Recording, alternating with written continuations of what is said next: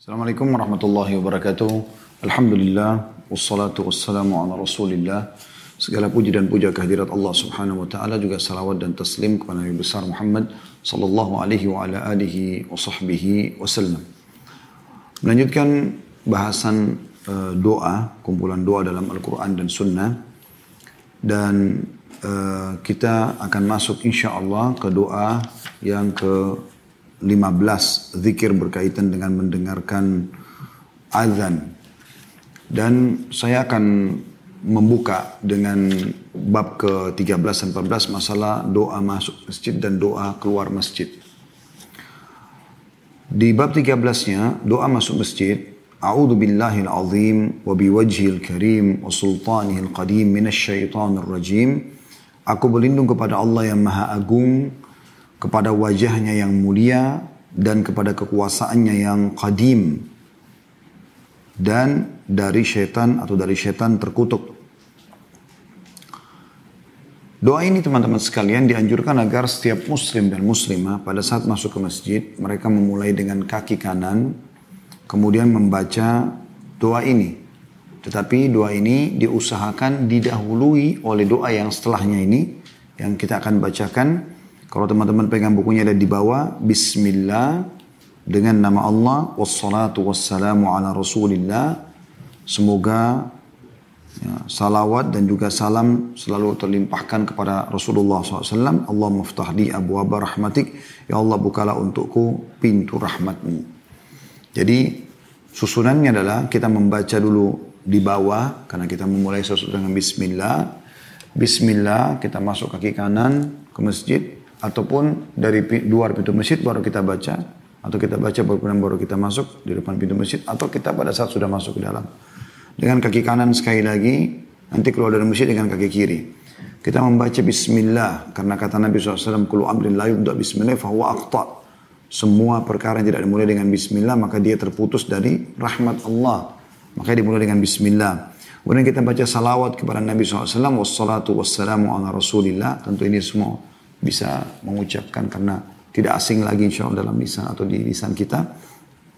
Kita membacakan salawat kepada Nabi Sallallahu Alaihi Wasallam dan beliau mengatakan man alaihi marratan sallallahu alaihi biha asyara siapa yang mengucapkan salam kepadaku satu kali maka Allah akan memberikan salam kepadanya sepuluh kali gitu kan. Lalu kita minta Allah maftahli abu rahmatik. Ya Allah bukalah untukku pintu-pintu rahmatmu. Ya. Dan pintu rahmat artinya rahmat Allah subhanahu wa ta'ala. Karunia Allah subhanahu wa ta'ala. Rahmat yang luas, kasih sayangnya Allah subhanahu wa ta'ala. Bisa bermakna adalah kita meminta agar pada saat kita masuk ke dalam masjid semua rahmat yang Allah turunkan di masjid karena adzan yang terkumandangkan, karena iqamah yang dikumandangkan, karena sholat berjamaah sedang berlalu, yang akan berlangsung, doa di antara azan dan iqamah, zikir setelah sholat, Mungkin ada orang yang baca tilawah Al-Quran, malaikat-malaikat yang hadir menyaksikan sholat. Semua ini ya ada banyak sekali manfaatnya. Maka kita minta seluruh rahmat itu kita dapatkan. Maksudnya rahmat Allah SWT semuanya bisa kita raih. Sementara potongan doa tadi yang pertama, A'udhu billahil azim, aku berlindung kepada Allah yang maha agung. Dan ini salah satu sifat Allah subhanahu wa ta'ala. Allah maha agung, maha mulia. Ya. Kita berlindung kepada Allah yang Maha Agung, wabiwajhil karim dan kepada wajahnya yang mulia. Dan ini adalah isbat, penetapan tentang wajah Allah subhanahu wa ta'ala. Dalam ayat Al-Quran Allah mengatakan, wa yabuka wajhu rabbika dhul jalali wal ikram. Dan akan kekal wajah Tuhanmu yang maha mulia. Ya. Jadi Allah subhanahu wa ta'ala memiliki wajah. Ya. Allah mengatakan juga dalam surah Ar-Rahman, Kullu man alaiha fan. Semua dari muka bumi atau di alam semesta ini fan, hancur. Wa yabqa wajhu rabbika dzul jalali wal. Akan kekal wajah Tuhanmu saja yang maha mulia. Nah, ini menandakan Allah subhanahu wa ta'ala memiliki wajah. Tetapi tentu kita tidak tashbihkan dengan makhluk. Kita tidak serupakan dengan makhluk. Allah dengan kemahakuasaannya, kemahasempurnaannya. Dan Allah mengatakan dalam Al-Quran, Laisa kamithri syai'un wa huwa. Allah itu tidak ada yang menyerupai dan dia maha mendengar lagi maha melihat. Ya. Tapi kita imani apa adanya. Dan di antara doa juga sebelum salam, nanti kita pelajari insya Allah di buku kita ini, ada doa yang dibaca sebelum salam, potongan doa, doa cukup panjang, ada potongan doanya, itu yang kita baca, Wa as'aluka ladzatan nadhara ila wajhik. Wa syauka ila liqa'ik. Ya Allah aku meminta kenikmatan melihat wajahmu yang mulia. Hmm. Ladzatan nadhara ila wajhik. Ya. Dan selalu rindu untuk bertemu denganmu. Syauka ila liqa'ik. Ya. Ini uh, juga termasuk isbat tentang masalah itu. Tapi sekali lagi kita tidak serupakan dengan makhluk. Kemudian wasultanihil qadim dan sultannya kekuasaannya yang qadim. Artinya yang sudah dari dulu selalu ada dan akan selalu ada selamanya. Ini kita mengikrarkan tentang kerajaan Allah bukan kerajaan yang baru. Kekuasaannya bukan baru. Tapi dari zaman dulu yang Allah alam ya berapa lama dan sudah berapa lama itu semuanya. Kita imani.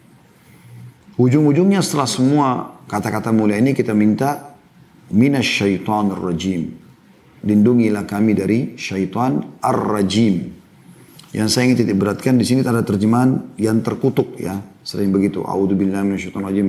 Aku berlindung kepada Allah dari syaitan yang terkutuk. Sebenarnya ar-rajim itu bermakna rajim, rajam yang dilempar. Ya, karena memang syaitan-syaitan itu pada saat mereka coba melakukan pendengaran-pendengaran informasi dari langit, ya, maka mereka dilempar dengan panah-panah api. Makanya dikatakan rajam. Ya. Jadi sebenarnya kita kalau baca rajim kita meminta agar Allah Subhanahu wa taala melempari mereka dengan panah-panah api itu. Ini doa kalau kita masuk masjid supaya jangan dilalaikan tentunya. Dan ada beberapa adab masuk ke dalam masjid. Saya tidak teringat sekarang apakah saya sudah jelaskan atau belum. Tapi yang jelas Kalaupun belum Anda bisa ambil informasinya. Kalau sudah, Alhamdulillah ini pengingatan. Maka masuk masjid itu teman-teman sekalian dengan kaki kanan. Yang kedua, bertujuan untuk sholat atau ibadah secara umum. Bukan datang ngobrol-ngobrol, gitu kan. Jadi memang masjid itu tempat untuk melakukan ibadah. Di zaman Nabi SAW sempat dilakukan juga untuk berbincang-bincang, tapi pada hal-hal yang mubah ya. Cuma bukan secara khusus orang meeting di masjid misalnya apalagi urusan duniawi ya.